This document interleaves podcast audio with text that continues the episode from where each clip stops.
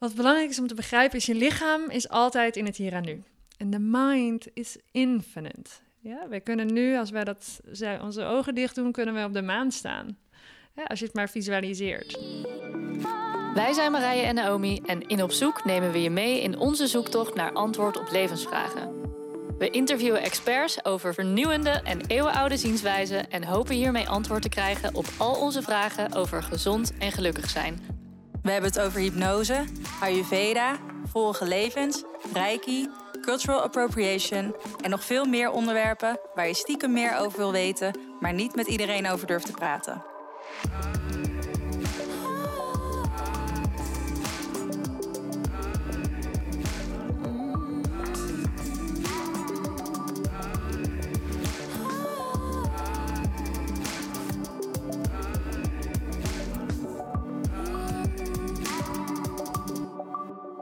Hallo lieve luisteraar, wat leuk dat je er weer bent.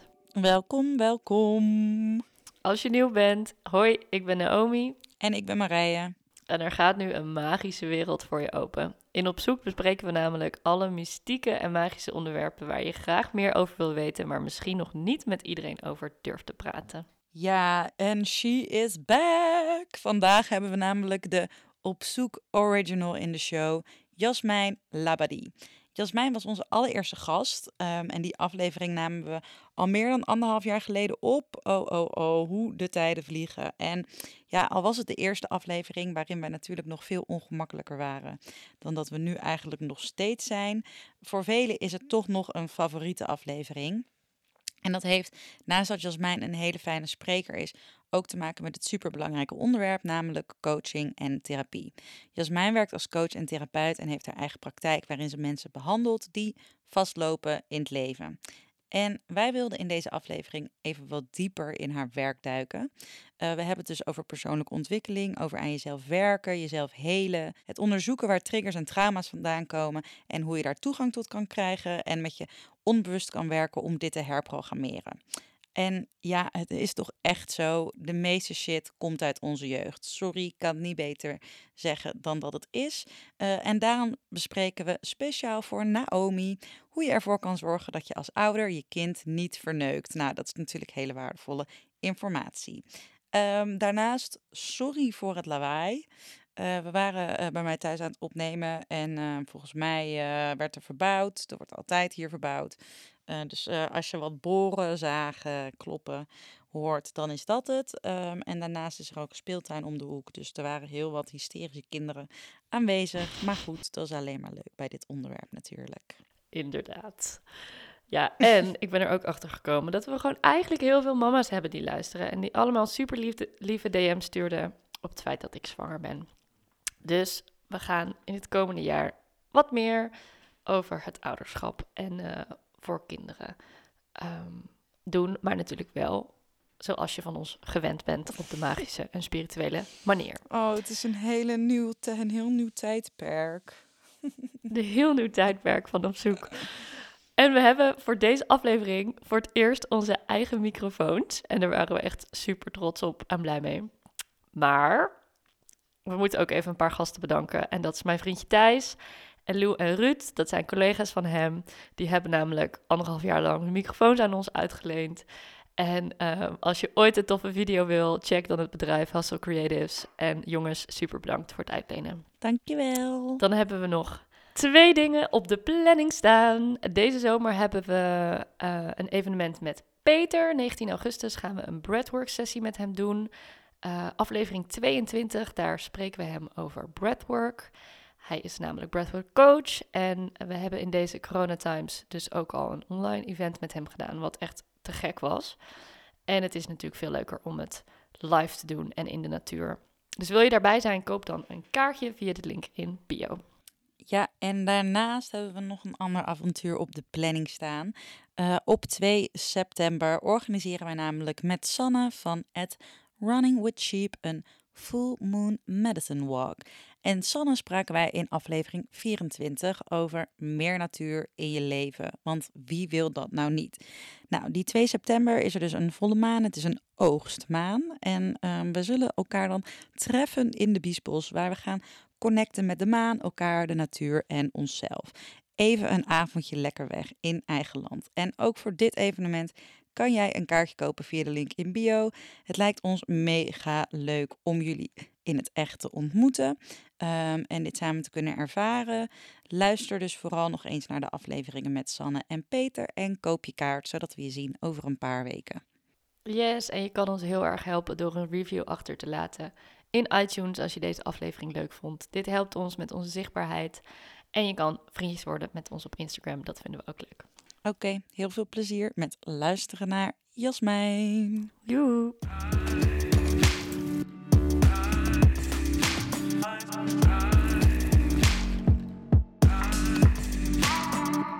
Welkom Jasmijn, voor de tweede keer. Zo leuk. Dankjewel. Heel fijn dat je weer bij ons wilde aanschuiven. Ehm, ik ben heel benieuwd hoe het met je gaat.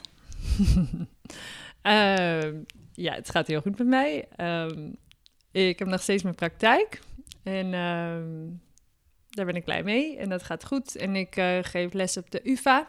Geven we soft skills samen met eh, de Sun Group. Ehm, dat is eh, public speaking en self-management en people skills. Maar ja, eigenlijk gewoon wat we allemaal nodig hebben. wat we op de basisschool hadden horen krijgen, maar dat, krijgen we nu, ja, dat geven we nu op de, op de universiteit. Het is heel mooi om te doen. En eh, ik geef trainingen voor, eh, voor bedrijven. Nice. Ja, en we wilden eigenlijk deze aflevering nog weer wat dieper eh, duiken in jouw werk als eh, coach en therapeut. Want we hebben het daar natuurlijk al over gehad in de eerste aflevering. Dus voor degenen die dat nog niet hebben geluisterd, ga hem vooral luisteren. Eh, lach Naomi en mij niet te veel uit. ja, onze eerste aflevering. Oh gosh. Nee, het was, ik ben nog steeds heel trots en heel blij eh, op die aflevering. En omdat jij, op dat jij onze eerste gast wilde zijn. Oh, zo leuk. Ehm, maar ja, we, we wilden dus eigenlijk gewoon even nog wat dieper dit onderwerp in. Omdat er natuurlijk heel veel mensen zijn ehm, die naar een coach gaan of die naar een therapeut gaan. En we hebben toen al een beetje dat ja, meer aan de oppervlakte besproken. Maar we waren nu eigenlijk benieuwd van ja, wat kom je nou eigenlijk tegen? Wat voor soort ehm, ja, problematiek kom je tegen? En hoe ga jij daar als therapeut mee om? Ehm, ja, dus misschien kan je even kort vertellen wat er nu on your mind is, zeg maar. En, eh, en waar je focus nu is. Ja, Ehm, nou ja, het is natuurlijk gewoon mensenwerk. Ehm, ik, eh, wat ik tegenkom is, eh, zijn, er zitten grote lijnen in, maar uiteindelijk is ieder mens uniek. En zo behandel ik iedereen ook. Dus er is bij mij geen stappenplan. Eh, daar geloof ik ook echt niet in. Ehm, het is heel erg mensgericht en kijken wat er bij iemand zit. Dingen die ik wel veel tegenkom is ehm, ja, mensen die eh, bevestiging zoeken eigenlijk in een omgeving of die het allemaal goed willen doen. Ehm, en daarmee ehm, ja, heel erg in de omgeving scannen en weg zijn bij zichzelf. En dit is, gebeurt dan wel zowel op werk als eh, in relaties. En het eh, lastig vinden om bij zichzelf te blijven. Eh, het wordt ook wel omschreven als dat mensen zich onrustig voelen, ehm, niet zo goed weten wat ze willen. Eh, en ehm, ja, het lastiger vinden om echt bij zichzelf te blijven. En daar misschien ook nog niet helemaal goede woorden aan kunnen geven wat dat dan precies is. ja want lastig vinden bij jezelf te blijven. Ik kan me dan inderdaad voorstellen dat je eigenlijk je eerste reactie dan nooit is van... Wat wil ik? Maar meer van, oeh, wat, wat denkt degene met wie ik nu ben? Wat, wat zou die willen? Precies, ja. Dus heel erg eh ingetuned zijn op andere mensen. Waar, waar zitten zij? Waar hebben zij behoefte aan? En, ehm, en daar eh, gehoor aan geven. En zelf dus eigenlijk zichzelf kwijtraken daarin. En waar zij zelf happy van worden. En waar je van aangaat. En dan kan we ook... Ik geef trouwens ook steeds meer eh, burn-out sessies... voor bedrijven. En, en dat is een heel groot onderdeel van waarom mensen een burn-out krijgen. Want je, als je niet ingecheckt bent bij jezelf, weet je ook niet wie je bent, wat je grenzen zijn, wat je nodig hebt, waar je behoefte aan hebt, nou ja, enzovoort. Dus eh, ja, dat komt veel voor. Kun je wat voorbeelden geven van onderliggende thematieken die, die je daarin tegenkomt? Ik snap dat het voor iedereen natuurlijk uniek is, maar...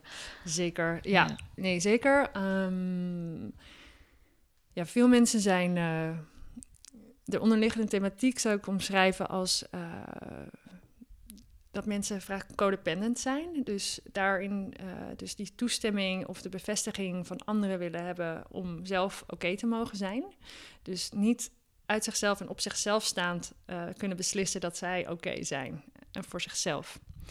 En wat daar weer aan de grondslag ligt, ehm, is vaak een, een chaotischer huishouden vroeger.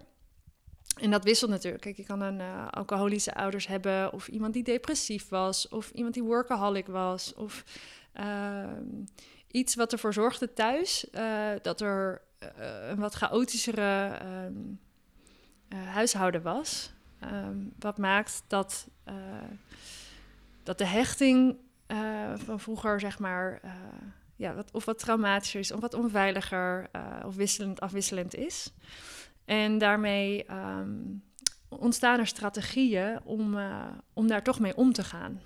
En een van de strategieën is dus, uh, vooral als het heel chaotisch is. Dus stel je voor, je hebt een alcoholische moeder gehad of vader, of iemand met een depressie of met een psychische stoornis. Dat kan natuurlijk ook. Um, hè, dat wordt vaak niet gediagnosticeerd, maar dat betekent niet dat het er niet is.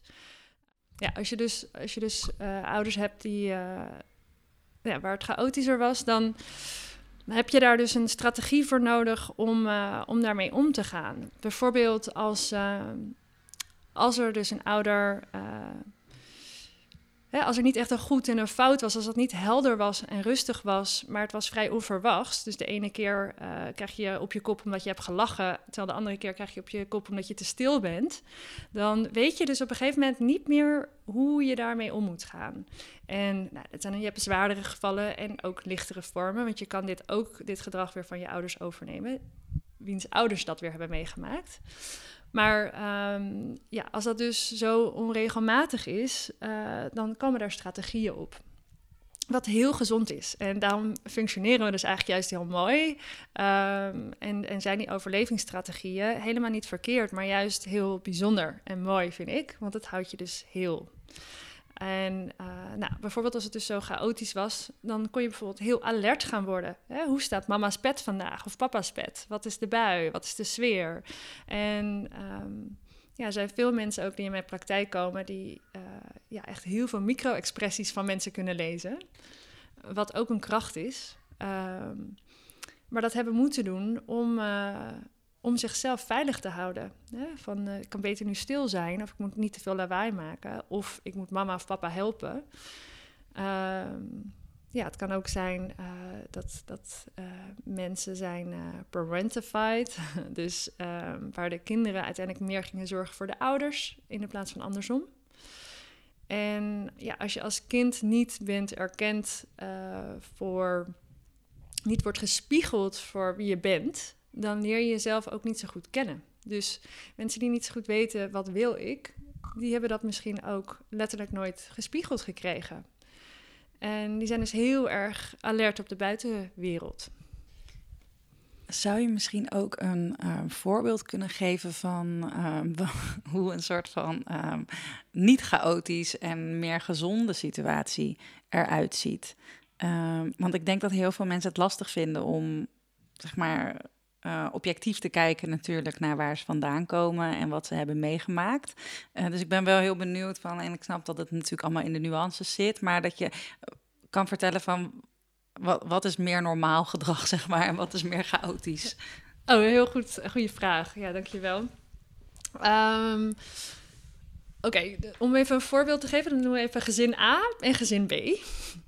Um, nou, stel je voor uh, in gezin uh, A, zijn, of in beide gezinnen zijn er maar een jongetje van vijf, om even een voorbeeld te nemen. Nou, in gezin uh, A laat het jongetje zijn ijsje vallen en wordt er gezegd van, en, en begint te huilen natuurlijk. Ik bedoel, hallo, het is een ijsje. Voor een kind is dat de wereld. De regenboog en, en een ijsje met spikkels. Dus verschrikkelijk, de wereld vergaat. Nou, als bij gezin A, laten we zeggen dat dat het chaotische gezin is. Uh, bijvoorbeeld wordt gezegd van, stel je niet aan, hup, doorlopen, we zijn al laat, hè, kom op. Dan zal dat kind van gezin A, dat het chaotische gezin, eh, hè, dat, dat leert dus van oké, ik, ik wil eigenlijk huilen, maar ik mag niet huilen. Dus ik moet snel doorlopen. Dus het verdringt zijn eigen gevoel. Het is alert op de ouders eromheen. Um, en het wordt dus niet gespiegeld in uh, wie het wel is. Nou, dan wat zo'n gezonder uh, gezin zijn, gezond, gezin B, is dan het kindje laat het ijsje vallen. En uh, die moeder zegt, jeetje. En het kind begint te huilen zegt, jeetje, wat verdrietig. Ja, je ijsje is gevallen. Dat is ook balen. En daarmee wordt het kind bevestigd en erkend in het gevoel wat het ervaart. Dus daarmee mag het dus bestaan en weet het, oké, ik ben heel, ik besta met dit gevoel en dat mag er zijn. Um, dan zal er daarna ook, want je wil een evenwichtig gezin hebben, zeg maar, um, dan krijgt misschien een kusje en een knuffel, maar daarna is het ook van oké, en nu gaan we weer door. Dus dan is het, het mag het gevoel hebben, het mag er zijn, maar het houdt op een gegeven moment ook op en dan ga je gewoon weer verder met, uh, met het leven. En wat dat doet voor het kind uh, in het gezonde gezin, is dat als dat gevoel erkend wordt, dan mag het dus bestaan. Uh, het weet dat het troost krijgt, dat dat het ook verdient. Dus er komt vertrouwen. Het is een veilige wereld. En uh, het is begrensd. Van nu is het ook klaar en nu gaan we weer door. Dus dat zijn allemaal dingen die nodig zijn voor een, gezond, voor gezonde opvoeding. ja, en heel veerkrachtig denk ik ook dat je dan een kind maakt. Dat als zo'n zo'n zo'n dingetje in de auto, wat zo bloep, bloep, weet je dan wat ik bedoel? Ja. Dat het zo altijd weer omhoog gaat. Ja. Of is dat zo'n ding in de auto? Nou, zo'n zo'n tuimelaartje met zo'n ja. loodje onderin. Ja, daar, nou, klopt. daar moet ik aan denken als je dit vertelt. Dat het kind dan zo, ah, helemaal verdrietig. En dan daarna, oké, okay, dan is het weer omhoog, zeg maar. Ja, klopt. Ja, en het kind wat dus, uh, om weer even terug te gaan naar het chaotische gezin... Wat dat dus niet mocht voelen en meteen moest doorlopen, um, dat betekent dus dat de gevoelens van de ouders belangrijker waren dan die van het kind. Dus de ander is belangrijker dan je eigen gevoelens. Dat is wat het kind dan ervaart. En uh, het weet niet wat te doen met die gevoelens. Dus als dat later volwassenen worden, dan hebben mensen het gevoel van als ik ga voelen, dan kan het voor eeuwig duren. Dat is een put die nooit ophoudt. En die put die nooit ophoudt, het, dat is omdat ze nooit door die hele. Um, ja, die hele zeg maar emotiegolf uh, zijn gegaan. Uh, waardoor het dus voelt alsof het er voor eeuwig zit. Nou, en los daarvan wordt dat gevoel dus ook uh, hè, wordt het onderdrukt. En als je dat, dat gaat in je lichaam zitten, dat gaat in je systeem zitten en dat bouw je dus ook op. En uh, kijk, dit kan natuurlijk een keertje gebeuren. Uh, dat is echt geen ramp. Um, maar als dit op regelmatige basis uh, gebeurt, dan krijg je dus een, uh, ja, een, complexer trauma van allemaal kleine dingetjes. En als volwassene is dat heel lastig om te zeggen van, oh ja, kijk, toen ben ik geslagen of ben ik in elkaar geslagen en dat was niet goed. Want het waren dus heel veel kleine dingetjes, uh, waardoor je het bijna niet meer kan benoemen. Does that make sense? Jazeker. En ik denk ook dat heel veel mensen ook schrikken van dat woord trauma. Omdat we daar dus allemaal Mm. van uitgaan van er is echt iets gebeurd wat echt niet door de beugel kon. Ja. En wat, eh, wat heel heftig is geweest. Terwijl ehm, ik vind dat het, ehm, misschien eh, heb ik jou dat ook wel eens horen zeggen, maar ehm, zo'n vrouw die ik volg, die heeft het altijd over dat je trauma met de grote en trauma met de kleine T hebt, zeg maar. Maar dat het dus beide eh, trauma is. En dat we eigenlijk nu in onze maatschappij vooral trauma met de grote T herkennen en erkennen, maar dat trauma met de kleine T er heel vaak nog niet ook mag zijn, zeg maar. Ja, mooi. En dat bedoel je dus met dat het een, een complexer trauma is van Ja, heel, heel veel keren. kleinere eh, gebeurtenissen die minder impact lijken te hebben vanaf, vanuit zeg maar misschien de buitenstaander, maar die uiteindelijk wel ook dat impact, die impact hebben gehad. Ja, klopt. Ja. En omdat het dus zo onzichtbaar is, is het dus eh, inderdaad heel lastig om te zien bij jezelf. Wat gebeurde er nou eigenlijk? En ehm, eigenlijk als, als op, op langere basis het kind eh, zeg maar niet wordt erkend in gevoel of in gedachten of wie het is, hè, want het is een heel eigen persoon, ehm, dan, dan raakt die persoon zichzelf dus eigenlijk kwijt. En dan weet het dus uiteindelijk niet meer wat het, wat het wil in het leven. Nee, het is dus hè, die, de ouder is dus belangrijker ehm, in dat geval. En dit neem je mee ook in je werk, in je relaties later als je groot wordt. Dus de relatie die je met je ouders had, dat is eigenlijk de relatie tot het leven. Dus als het veilig vroeger thuis onveilig was, dan is de wereld ook onveilig. Als het vroeger heel veilig was, dan die mensen hebben dus ook een veilige wereldbeeld. Nou ja, ik ben dan ehm, ik ben wel benieuwd, want ehm, wat je nu net uitlegt, kan er natuurlijk op heel veel verschillende manieren eh, ontstaan zijn, dus ehm, en op verschillende manieren uitzien. Maar zoals ik het een beetje hoor in je verhaal, wel een soort van uh, rode lijn door eh, de mensen die jij ziet. Ja. en wat, ja, wat is dan de manier om daar weer bij te komen of om dat op te lossen om, of om weer verder te gaan? Ja, voordat ik die beantwoord, wil ik eigenlijk ook nog even toevoegen dat er zijn ook nog twee soorten vormen. Want um, je kan dus zeg maar verwaarloosd zijn, hè, dat het er dus niet was. Uh, maar je kan ook verwend zijn. Hè, sommige mensen worden verwend en dat wordt ook heel lastig gezien. Want als je dus wel heel veel materiële dingen kreeg, dan betekent niet dat je emotioneel, zeg maar, uh, erkend bent. En omdat je dus, als je terugdenkt aan je jeugd, uh, hè, dan had je dus wel mooie kleren of een goede fiets of zo. Dus je denkt, nou, alles was er toch, dus ik heb geen problemen. Terwijl um, verwend zijn dus ook echt een uh, verwaarlozing is. Hè? Want dat, dat het is veel meer werk om een kind zelfstandig te leren opruimen dan het altijd maar voor het kind op te ruimen. dat is veel makkelijker eigenlijk. Terwijl een kind iets aanleren, dat, ehm, dat is meer moeite, maar daar heeft het kind dus de rest van zijn leven ook profijt van. Dus eigenlijk wil je als ouder een, uh, een evenwichtig kind uh, in de wereld zetten die weerbaar is voor alles wat het gaat tegenkomen. Um, Mooie toevoeging. Ja, dat moest ik even toevoegen.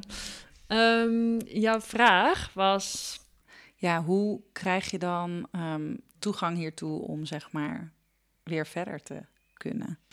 Hoe je hiervan uh, kan helen. Ja, eigenlijk dat. Ja, ja, en, ja, um, ja, er zijn heel veel wegen. En uh, jullie hebben ook allemaal prachtige mensen geïnterviewd. En uh, ik denk dat, dat heel veel dingen helpen. Um, maar de basis is wel om te begrijpen wat er nou eigenlijk is gebeurd. En, en, we worden weer getriggerd in het, in dagelijks leven. Hè? Dus we krijgen een, uh, een emotionele en eigenlijk een, uh,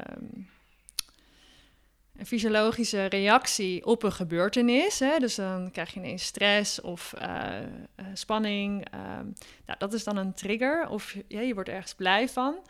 Um, dus eerst erkennen van oké, wat, wat gebeurt er nou eigenlijk in mijn leven? Waar, waar word ik nou door geraakt? En uh, beseffen dat dat dus ergens uit voort is gekomen. Omdat dat ooit in een eerdere ervaring, um, en dat kan ook een onschuldige ervaring zijn, maar je kan het zo hebben ervaren, um, dat het daar is ontstaan. En dat, uh, dat het dan vaak niet meer iets te maken heeft met het hier en nu, maar een herinnering is of een filter of een illusie die over het hier en nu heen gaat. Uh, dus wat helpt is uh, zeker intappen op je onderbewustzijn. Uh, hè, het bewustzijn is gewoon dat we hier zijn en dat het licht is en dat ik hier nu met jullie aan de tafel zit en deze podcast aan het opnemen ben. En dat, dat we elkaar allemaal zien, dat is allemaal heel logisch. En je onderbewustzijn zijn al die ervaringen die je dus ooit hebt gehad. En uh, al die ervaringen die je ooit hebt gehad, uh, daar zitten dus ook uh, ja, eigenlijk je programmering, zou ik maar zeggen. En die programmering, hè, dus hoe je ouders met je omgingen, maar ook hoe je ouders met elkaar omgingen. Um, ook ehm, de school waar je op hebt gezeten, de maatschappij, de cultuur, nou, al dat soort dingen. En ehm, goed, dat is je hele programmering. Dus je wil eigenlijk even weer een kijkje nemen onder de kap. En uh, dat kijkje onder de kap, uh, ja, daar gebruik ik uh, vaak hypnose voor. Ehm, en daarmee, dat is allemaal niet heel ingewikkeld. Je bent al in trance als je een boek leest. Dan heb je, of een film kijkt, dan zit je en helemaal in de film, maar je bent je ook helemaal bewust dat je op de stoel zit.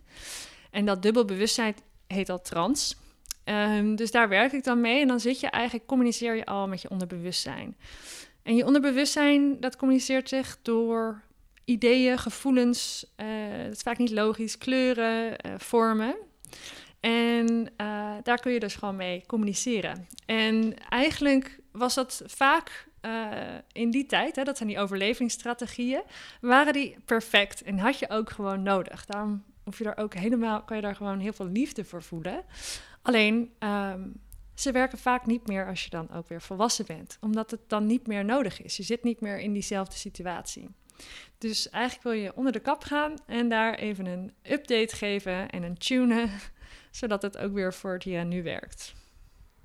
Ctrl, Alt, Delete en Rewrite. Yes, check. Ja. Dat is het, ja. Even voor Even- de meer beta-luisteraars. Ja, precies. Gewoon even nieuwe software, eh, even de software update, zeg maar. En eh, dat die dat die weer klopt met nu. En eh, ja, Cool. Ja, ik wil zo meteen meer weten over hypnose. Maar wat me nog te binnen schoot is... ehm, omdat je net zei van het is veel moeilijker om kinderen... eh, ja, dus iets, iets te leren, weerbaar, weerbaar te maken. Ja. En te, te trainen eigenlijk. Toen dacht ik, oh ja, dat... Ik word natuurlijk zelf opvoeder nu. Eh, maar ik zie dat ook dan best wel vaak als je in een speeltuin bent... of weet ik veel, je bent ergens en je ziet mensen met kinderen... dat ouders een soort van dan geen zin hebben om het gedoe aan te gaan, zeg maar. Of om dan door die dat weerbarstige heen te gaan en dan laten ze het maar. Ja.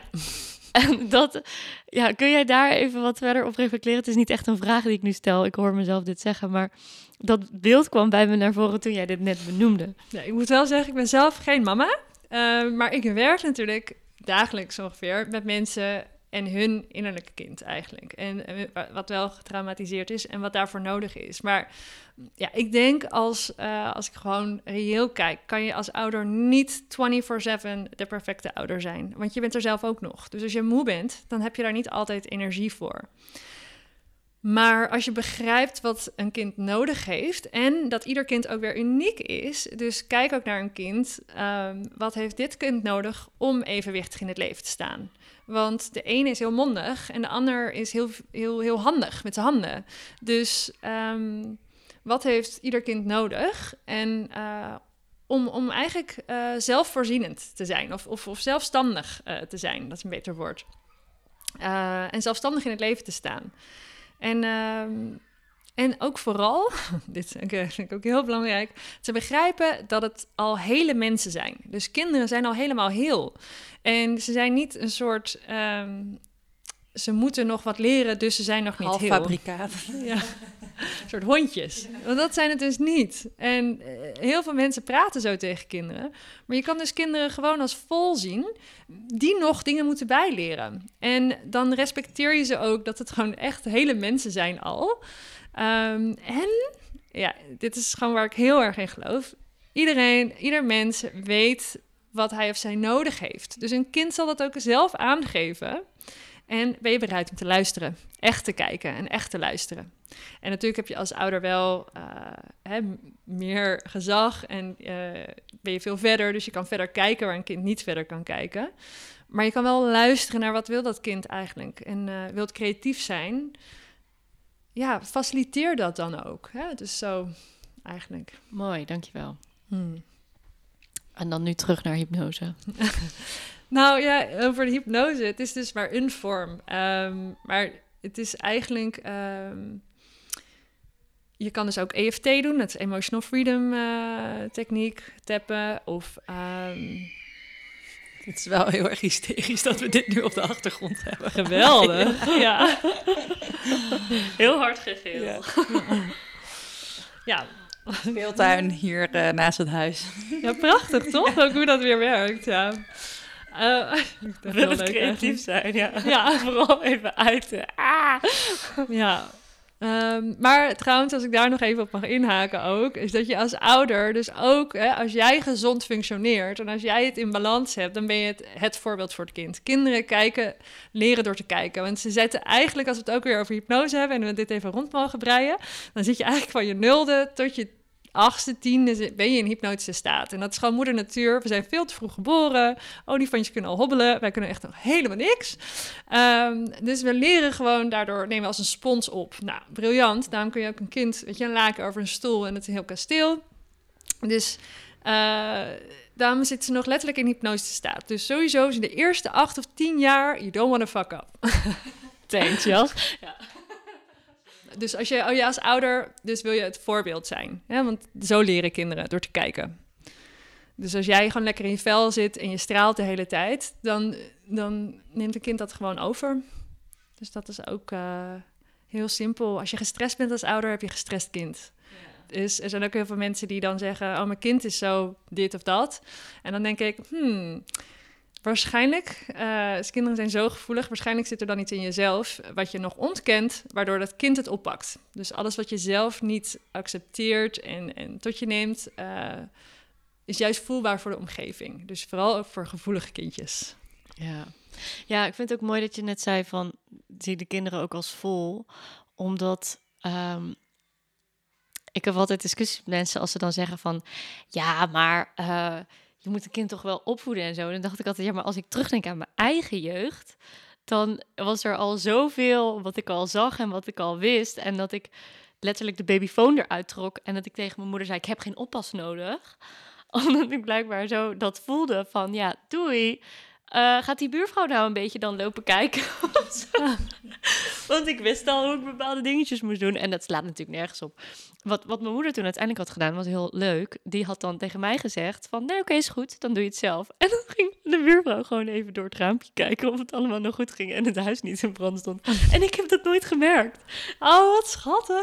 ik dacht gewoon van... nou, dit is een hele mooie oplossing als ouder. Dat je gewoon, want daarmee um, respecteer je het kind wel. Van, oké, jij bent ook wijs. En jij hebt ook, uh, je bent ook al heel.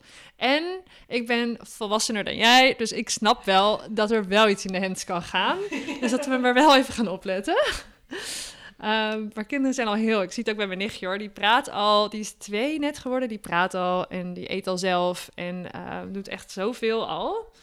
Um, en is gewoon een heel eigen, eigen gereid kind. Uh, met haar hele eigen karakter. En als je dat respecteert, dan, uh, dan, dan kan iedereen er zijn in een gezin. En heb je nog een tip voor de moeder die luistert, en vader misschien ook? Als je dus verschillende kinderen hebt of meerdere kinderen, eh, dat het dan misschien soms lastig is van, oh ja, dit kind heeft dus wat anders nodig dan de ander. En wat kan je als ouder doen om ja, daar toch in die behoefte te, te voorzien, zeg maar. Zo leuk dat dit nu de vragen zijn van, oh, ja. Ik zat ook zo, oké, we worden hier gehijacked door deze ja. man te bieden. Ja, ja, ja, geweldig. Nee, ja, nou, dat, dat is, uh, is dus weer ieder kind als eigen mens te zien. En dus niet van uh, het ene kind is een, een beter kind of een uh, idealer kind dan een ander kind. Hè? Want dan gaat het mis. En um, je ziet ook wel dat er. Um, dat, dat je natuurlijk de ene ouder iets meer of makkelijker gaat met het ene kind dan het andere kind. Um, maar vooral uh, geen voorkeur uh, hebben. En uh, ieder mens gewoon als compleet zien en daar een eigen band en een eigen relatie mee opbouwen. En dus ook weer kijken van de ene heeft dus uh, wat, wat zachters nodig en de ander heeft dat meer begrenzing nodig. Hè? Want die, die, die is misschien heel wild en die heeft dat nodig. Maar ook weer een uitlaatklep om dat uh, te kunnen uitleven. Dus het is gewoon eh, per kind kijken. Het is mensenwerk. het, is, het is mensenwerk. Ja. ja. en als je dus nu luistert en dit hoort uh, en je merkt van, oh, ik heb dus wel nog een oordeel op mijn ene kind meer dan op het andere kind, wat volgens mij gewoon heel menselijk is dat je dat af en toe hebt als ouder, dat je dan denkt, oké, dan ga ik in therapie. Ja, zeker. dat klopt. nou ja, dan heb je in ieder geval, als je, als je als een kindje heel erg spiegelt en je hebt daar moeite mee, dan uh, gaat dat zeker over jezelf. En, uh, en waarschijnlijk als je dat ook in jezelf oplost, dan ver verandert de hele band met het kind. Dat klopt, yes. Mooi, oké. Uh, laten we nog even terug naar de hypnose, want Um, die eerste zeven tot acht jaar, dan mag jij dus geen fouten maken. Succes. Uh, uh, want daar wordt de programmering dus eigenlijk um, gelegd. gelegd. En de hechting en zo. Ja, en hypnose is dus eigenlijk een van de vele manieren om die programmering te accessen. Ja, om, om bij je onderbewustzijn te komen. En dat is eigenlijk ook je lichaam. Dus uh, de hersenen volgen het lichaam. Dus als jij onrustig bent, je hebt veel gedachten of je hebt veel stress, um, dan, dan weet je dat er iets in het lichaam is wat niet gevoeld wil worden en daardoor schiet je naar je hoofd. Um, dus je kunt jezelf niet gezond denken. Dat is een hele langzame methode. Als je direct in je lichaam gaat, dan uh, kom je in een somatische ervaring, dus een lichaamsgevoelde uh, ervaring. En dan uh, kom je direct bij de pijn. En dat, uh, dat kan heel goed met hypnose, kan ook met lichaamswerk, ademwerk. Um, ja, eigenlijk zoveel verschillende manieren. Is die pijn dan eigenlijk de ingang voor die herprogrammering? Of moet ik dat niet zo zien? Ja, eigenlijk wel. Dus um, ja en nee. Dus je kunt ook gewoon iets... Ja, wel. Als je namelijk in die... Uh, als je die pijn... Daar willen we dus meestal van weg als mensen. Ja, dat is heel logisch. Want pain versus pleasure theorie. Maar als jij uh, in die, die pijn durft te stappen... Dan, dan ga je hem afvoelen. Dus als we het even weer terug gaan naar het ijsje, om even als een heel simpel voorbeeld te hebben. Die pijn, omdat die, dat jongetje dus niet mocht huilen, voelde die misschien wel verdriet in de borstkast, ik zeg maar wat. Uh, en door dat verdriet in de borstkast weer toe te laten, kan die emotiegolf, hè, kan die afgemaakt worden. En ben je dus uh, daar vrij van. En is je rugzakje weer een stukje leger. En uh, zal je dus ehm, als er ijsjes vallen later. of hard janken. nou, of dus helemaal niet meer huilen, omdat dat niet meer een ding is. Omdat je weet van dat was toen uh, heel, een hele vervelende ervaring. Uh, maar nu als volwassene, joh, ik koop gewoon een nieuwe. Even als simpel voorbeeld. En um, moet je dan naar al die momenten terug en die allemaal stuk voor stuk oplossen? Of kan je dat meer een soort van in één grote Goeie vraag. ja. Um, ik denk dat als je dus grotere patronen ziet, dan kan je daar wel in één keer over rouwen, bijvoorbeeld. Um, hè, dus als we het hebben over al die kleine traumatische ervaringjes, dan kan je op een gegeven moment als je dat ziet, het, gaat, het zit op meerdere lagen, want er zit dus ook nog uh, bewustzijn op. Hè? Dus als je bewust bent van dat zoiets was, kan je daar ook weer inzichtgevende uh, inzichtgevende um, dingen wij krijgen. Dus niet alleen maar de gevoel oplossen, maar ook uh, inzicht krijgen. En dat schept alweer ruimte. En daarmee besef je dat wat je hebt meegemaakt, dat jij dat niet bent, uh, maar dat jij de observator daarvan kan zijn. En dan kun je er ook van loskoppelen. Mooi.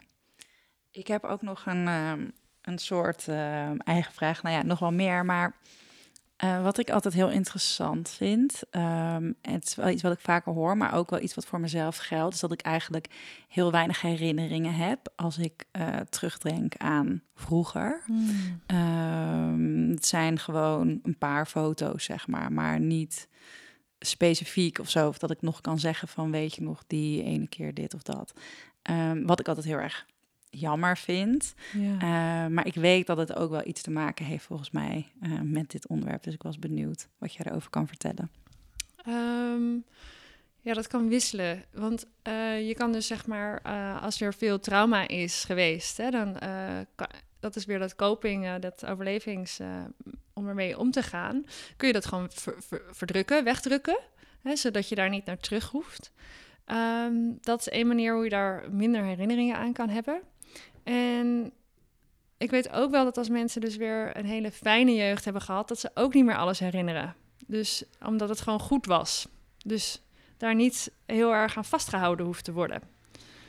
Dus dat is, het kan allebei zijn. Dus dat wisselt uh, van persoon tot persoon. Dat is wat ik er nu over begrijp.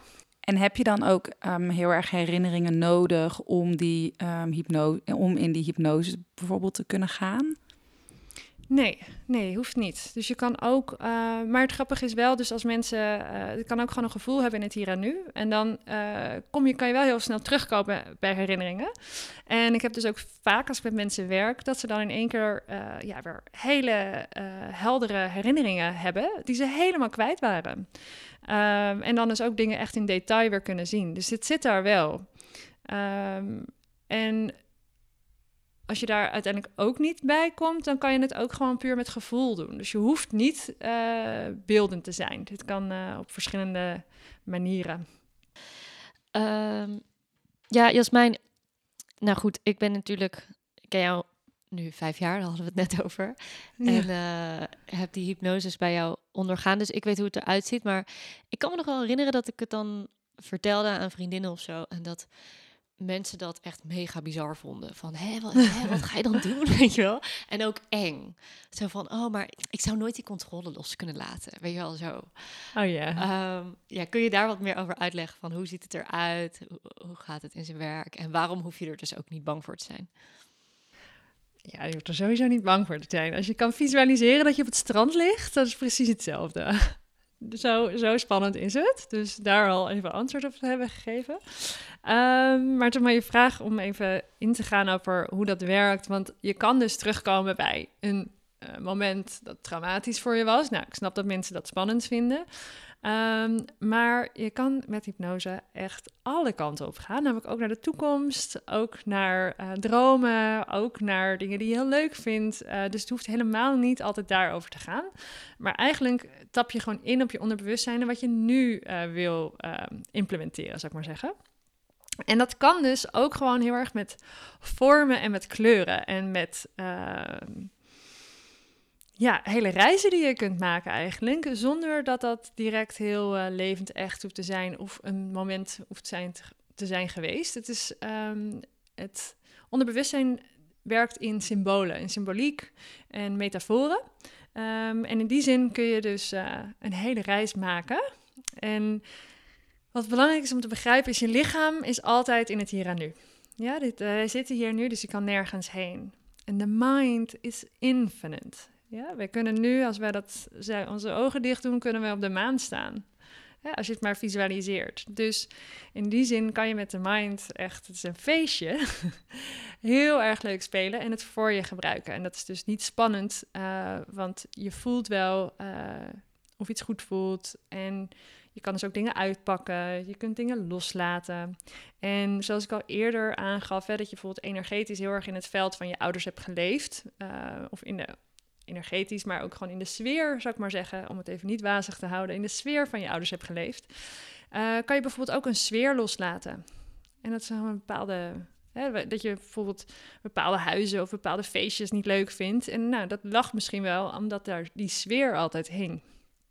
En uh, dat soort dingen kun je dus ook in hypnose loslaten. Dus het is niet altijd heel letterlijk één op één. Um, geeft dit iets meer helderheid?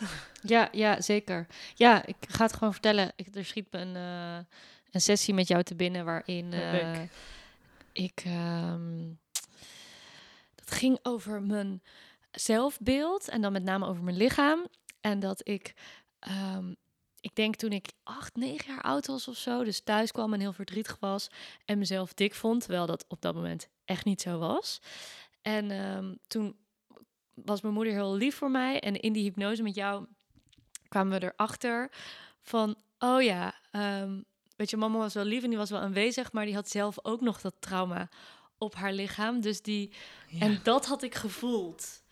Dus, ja, en mooi. toen um, heb jij mij geholpen met een hele leuke visualisatie. En dit was echt super fijn, want ik was toen volgens mij 2 of 23 of zo toen ik dit met jou deed. En uh, toen gingen we in die visualisatie zo naakt dansen en dan met je buik zo je buik vast, vasthouden en zo heel raar doen. En um, dat beeld is me gewoon altijd bijgebleven. Dat als ik voor de spiegel sta en weer zo'n stemmetje heb, dat, dan zie ik dus nog steeds dat, dat beeld voor me. Van, oh, weet je, je kan ook gewoon daarom lachen. En het is ook gewoon grappig. Een buik is ook gewoon grappig, weet je wel. ook gewoon je buik. En... Oh, mooi. En ook dat je dus eigenlijk het volwassen bewustzijn betrekt bij het uh, onvolwassen bewustzijn. En daarmee ineens ziet van, oh, wacht. Wat een vertekend beeld had ik toen. Dat hoeft helemaal niet meer. En boom, je kan het loslaten. Dus dat werkt dus ook heel sterk. En dat hebben we denk ik daar ook bij gedaan. Ja, ja, ja. Um, maar ja. mooi. Ja. ja, dit is wel een beetje hoe het gaat. Ik ja. maak er wel een feestje van altijd. Ja. ja. Je hebt ook uh, mensen met hypnose die volgen heel keurig bepaalde ja, visualisaties. Maar uh, uh, ja, als je eenmaal snapt hoe het werkt, dan, dan is het een feestje. Leuk. Ik moet ook ineens aan denken dat wij toen nog... Ik had altijd een gevoel, ik had maar een soort van één gevoel. Dus ik kon niet zo goed onderscheiden wat dan wat was. Uh, en dat was toen uiteindelijk een soort van modder. En toen was het uiteindelijk een zwembad vol met modder. toen het zeg maar gingen lozen. En dat we toen volgens mij nog met een soort van um, hele grote bulldozer-achtige kruiwagens dat hele zwembad hebben leeg uh, geschept, zeg maar, Oh, ja. om, om al die modder kwijt te raken. Ja. Ja, en daarmee laat je dus letterlijk bagage los. En eh, dat hoeft dus niet, zeg maar, dat je die pijn visualiseert of zo. Dat kan dus, dus gewoon uitzien als modder. En het works. Zo chill. Ja. Hey, eh, waar ik nog benieuwd naar was, eh, is of jij ehm, iemand komt bij jou met, eh, nou, ja, die eigenlijk zichzelf dus een beetje kwijt is. En ehm, het gaat dus uiteindelijk over de ouders of over de jeugd. Ehm, ervaar je ook wel eens dat mensen heel erg weerstand op hebben op het moment dat je het dan daarover wil gaan hebben? Ja, zeker.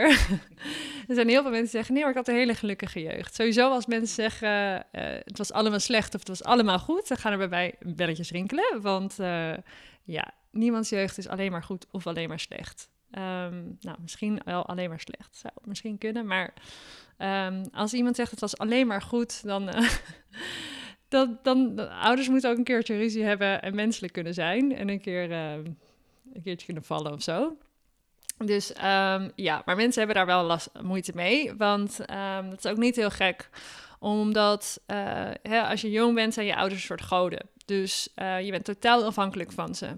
En als jij dus later, als groot bent, zegt van... hé, hey, misschien eh, was dat niet oké wat daar gebeurd is... dan voelen mensen dat als verraad naar hun ouders toe. En dat is heel lastig. En wat ik daar eigenlijk altijd op zeg is... Hè, we gaan niet je ouders veroordelen, want dat is niet zo interessant. Hè? Want dan kan het dus inderdaad... dan ga je al die generaties terug... en dan kom je uiteindelijk... waar moet je stoppen? Dan kom je uit bij Adam en Eva. Maar we gaan het dus niet veroordelen, maar wel beoordelen. Zodat je weet, oké... eh, het gaat niet over het beschuldigen van mijn ouders, maar wel wat was er wel en wat was er niet. Zodat ik nu een evenwichtig mens kan worden. En dat, eh, dat helpt dan wel. Maar eh, mensen hebben daar wel weerstand op, ja. En hoe ik, wat ik ook wel teruggeef, of ik weet dat mensen daar wel last van hebben, is eh, omdat ze in het hier en nu probleem hebben met hun relaties of niet weten wat ze willen. En daarmee is er iets tekort geweest. En het is ehm, lastiger. ehm, het is makkelijker om te zeggen wat er wel was en niet had horen te zijn. eh, dan de dingen die er niet waren. En die zijn natuurlijk heel onzichtbaar. Dus die kunnen mensen niet zo goed zien over wat ze wel nodig hadden. Bijvoorbeeld troost of... hè, die zien hun moeder wel heel veel lachen in hun geheugen, maar de troost was er misschien wel niet. Nou ja, en als het er niet was, daar heb je geen beeld of geen herinnering van. Dus eh, Ja, mooi, duidelijk ook wel. En ehm, nou, stel eh, ik ben bij jou in therapie en ik kom erachter, oh, het begint allemaal bij mijn ouders. Is het dan ook de bedoeling dat ik dat met hun ga bespreken of dat ik dat met hun ga delen of dat zij dan, hè, dat ik zeg, nou jullie moeten ook in therapie of eh, hoe kan je daar het beste mee omgaan? Ja. Pa, ma, moet eens gaan zitten. Ehm, nee, dit zou ik mensen nooit aanraden, omdat, ehm, en dit is ook echt een taboe, eh, ouderschap is bijna niet bespreekbaar. Hè, dat is een soort van heilig, dus dat is, eh, dat is bijna onaanraakbaar.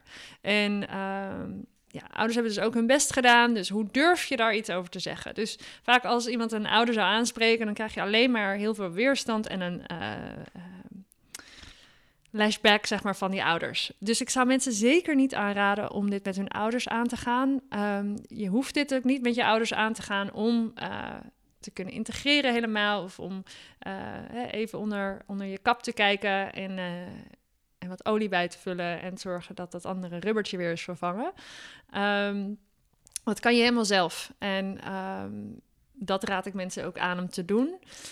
En eh, als je ook in het proces zit, dat is ook lastig trouwens, dan eh, hebben mensen ook wel hè, van, oh, dan worden ze misschien ook wel eens boos of dan komen er emoties los, eh, om het dan dus ook eh, niet, nog niet bij de ouders te zoeken.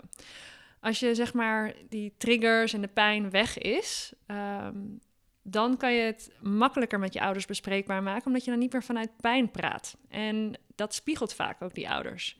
En als je vanuit een rustige zelf praat, hè, als, die, als dat allemaal lekker weg is, dan eh, kan je het op een zachtere, mildere manier, genuanceerde manier en met compassie aangaan. En dat gaat niet daarvoor. Nee, en daarvoor ben je denk ik toch ook alsnog ergens naar op zoek bij die ouder, zeg maar. Dus Ja, klopt. moeten die ook ja. op een bepaalde manier reageren voor jou om... Ja. ja. Maar goed, ik heb wel eens mensen, en daarom, het is nooit zwart-wit, het is altijd mensenwerk, zoals ik aan het begin aangaf. Ik heb ook wel eens iemand gehad die wel dingen met zijn ouders bespreekt en daar heel mooi en goed uitkomt. En omdat die ouders dus openstaan voor een gesprek. En die ouders bestaan natuurlijk ook, dus... Um, hangt er ook weer vanaf wat er in de jeugd is gebeurd en of dat bespreekbaar is thuis en of er dingen überhaupt besproken mogen worden. Dus dat gebeurt ook. En uh, uiteindelijk laat ik het natuurlijk ook wel aan mensen zelf. Ik licht ze wel in. Uh, maar zoals ik al zei, mensen weten zelf heel goed wat goed voor ze is. Ja, dus uh, als iemand voelt, ik moet dit met mijn moeder bespreken, nou, dan moet ze dat doen. Ja. Nou, ik vond het toen heel fijn, dus vijf jaar geleden, dat dat niet hoefde. Maar nou, mijn zusje is inmiddels ook bij jou geweest. En ik heb vorig jaar een heel mooi gesprek gehad met mijn moeder. Omdat mama toen zei van... Die was eigenlijk heel nou, aan het huilen en zo. Oh, volgens mij heb ik je dit wel eens verteld. Nou, dan voor de luisteraar. Um, dat mama ineens zo soort van dacht van... Oh, heb ik nou al mijn kinderen verneukt? Weet je wel? helemaal zo verdrietig aan het huilen. Toen werd ik eerst een beetje boos. Omdat ik echt dacht... Ja, ga jij nou hier niet, niet om zitten huilen? Wij zijn gewoon met onszelf en persoonlijke ontwikkeling bezig. En uh, als je vragen hebt, wil ik ze best wel beantwoorden. En toen hadden we gewoon een heel mooi gesprek over wat jij dan precies doet. En wat je daar dan doet en waar het dan over gaat. En toen zag ik er ook nog wel zo even slikken. Maar toen zei ze wel uiteindelijk van... Ja, ik zie wel dat het jullie heel veel brengt. En ik ben gewoon eigenlijk heel trots, weet je wel. Oh, dat mooi. jullie dit gewoon flikken eigenlijk.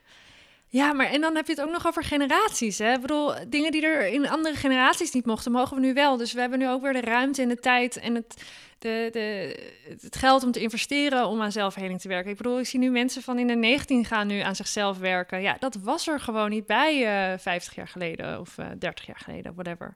Dus het is evolutie. Evolutie, ja, absoluut. Ik zei uh, hiervoor wel eens van, ja, we leven eigenlijk, of we leefden, want ik kan het nu al niet meer zeggen, maar vijf jaar geleden zeker wel, van we leven nu in de emotionele dark ages. Hè? We mogen elkaar niet meer fysiek in elkaar beuken thuis. Je mag niet meer geslagen worden door je ouders, in principe. Um, maar uh, ja, emotionele dark ages zijn dus, hè, mag je ook uh, gewoon maar jouw emoties lekker botvieren op je kinderen. Nou, ik denk van niet. Maar ja, dat is dus uh, de volgende generatie. Dus dat mogen wij weer oplossen. Hoe mooi. Er is al heel veel voor ons gevochten in vorige generaties. En dat eren en dat zien is ook heel, heel mooi en krachtig. En dat alles gewoon ook wel goed is zoals het is uiteindelijk. Dat is wow. weer liefde. Mooi, ja. Ja, ja zeker. Dankjewel, Jasmijn. Um, wil jij nog uh, iets meegeven of is er nog iets dat je kwijt wil voordat we gaan afsluiten? Uh, mooie eindiging, ja, mooie af, afronding. Uh, nou, ja, ik, ik wil nog wel iets kwijt over wat ik heel erg zie. Er zijn nu heel veel coaches en er gebeurt heel veel. Um, er zijn dus ook heel veel dingen die helpen. Maar uh, waar heel veel mensen niet naartoe willen, en dit is eigenlijk waar mijn werk over gaat, is je moet gewoon het vuile werk doen. Als je wil helen, moet je gewoon met je schoenen door de modder in de stront staan en stront, stront scheppen. En dat betekent dus je gevoel voelen. En uh, dit vinden mensen dan lastig. Zeggen ze, ja, dan ben ik moe daarna. Ja, dat is, dat is kan. Je bent dan moe daarna. En het is niet leuk. En het is niet lekker. En dat geldt voor alles in het leven, denk ik. Is dat uiteindelijk gaat het... Uh, hè, ik, ik, ik zeg ook altijd, ik verkoop geen gouden pillen. Dat hoef je bij mij ook niet te zoeken. Het gaat juist over uh, stapjes zetten. En ehm, jezelf weerbaar maken dat je dat uh, die spier trainen eigenlijk van ongemakkelijkheid om dat aan te kunnen. En aan de andere kant zit dus een beloning. Hè? Geluk is niet iets. Gelukkig zijn is niet iets wat je kan bereiken. Het is een, het is een bijproduct van iets. En daar zit eigenlijk de quick fix of de instant gratification in, hè, versus de lange termijn. En ja, groente eten, daar word je gewoon gezonder van dan je taartje eten. Hè? Dat is een instant gratification. Dus soms is het gewoon, ga even iets verder door en um, doe niet aan spiritual bypass, als ik het ook wel noem, maar um, voel vooral. Ik kan hier nog langer over doorgaan.